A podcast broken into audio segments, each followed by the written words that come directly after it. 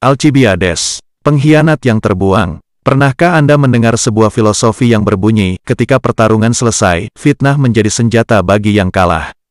Iya, itu sebuah filosofi terkenal dari seorang filsuf zaman dulu dari Yunani, Socrates. Tapi saat ini kita tidak membahas filsuf terkenal itu, tetapi muridnya yang cukup jarang terdengar di buku sejarah. Dia adalah Alcibiades. Alcibiades lahir di Athena, keponakan dari pemimpin Yunani Pericles dan secara singkat sempat menjadi murid filsuf besar Socrates. Tetapi, belajar dari Socrates tidak membuat dia mendapatkan keseimbangan ataupun keharmonisan, malah menjadi seorang pemimpin perang yang mengabaikan semua kode etik moral apa pun. Socrates sebenarnya sudah melihat kalau Alcibiades ini tidak bermoral. Namun, karena memiliki hutang nyawa, menyelamatkannya saat perang di Battle of Delium sekitar 424 sebelum Masehi, Socrates pun mau mengangkat Alcibiades menjadi salah satu muridnya. Alcibiades memang memiliki karir yang baik di ketentaraan, karena wataknya yang keras dan kejam, dan juga karena rekomendasi sebagai kemenakan raja, dia pun menjadi salah satu dari sepuluh jenderal besar Athena, di awal-awal peperangan melawan kerajaan kuat Sparta. Perang fitnah mulai menyebar. Alcibiades, sebagai seorang pimpinan militer yang kejam ini, mulai dapat perlawanan politik dari rekan-rekan sesama jenderal. Tetapi, karena koneksi sebagai kemenakan raja, dia masih aman. Sebaliknya, pada peperangan selanjutnya, pamannya terbunuh saat perang melawan kerajaan Sparta. Kehilangan koneksi, lawan politik mulai memainkan peran. Pertama untuk menyingkirkannya, Alcibiades dikirim ke peperangan beringas di Sisilia, untuk menyerang kota Serakius yang saat itu dijaga pasukan Sparta yang kuat. Saat dia di peperangan, disebarlah fitnah, kalau dia adalah orang yang melawan terhadap Dewa Hermes, dewanya bangsa Yunani saat itu.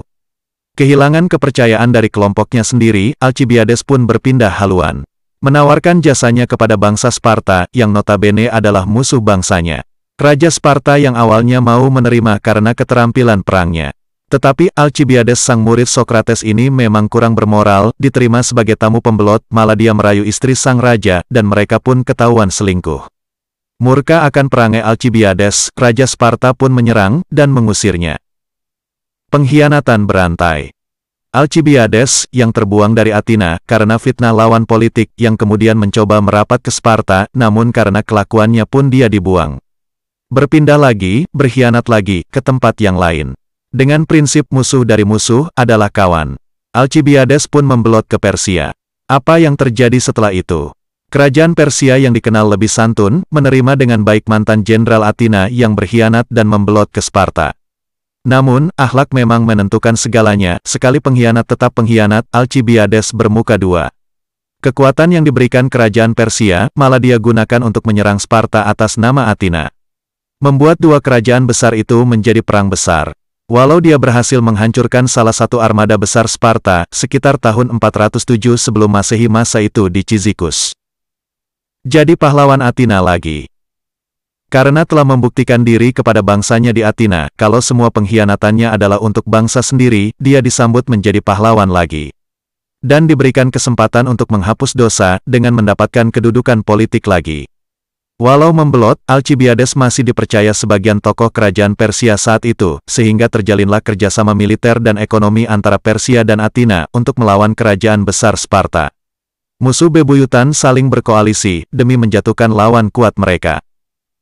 Kalah dari Sparta Kota Athena, walau saat itu mendapat perlindungan dari kerajaan Persia, kalah oleh Sparta. Alcibiades sempat kabur dan mengasingkan diri ke kerajaan Persia di Asia Kecil. Pemimpin Sparta yang sudah terlanjur dendam, karena kecemburuan istrinya yang dirayu dan selingkuh dengan Alcibiades, mengajukan tuntutan Alcibiades sebagai upeti perang, atau Sparta akan menghancurkan Athena. Takut akan perang lebih besar, rekan politik mereka pun memohon kepada kerajaan Persia, yang saat itu melindungi Alcibiades, untuk menyerahkannya.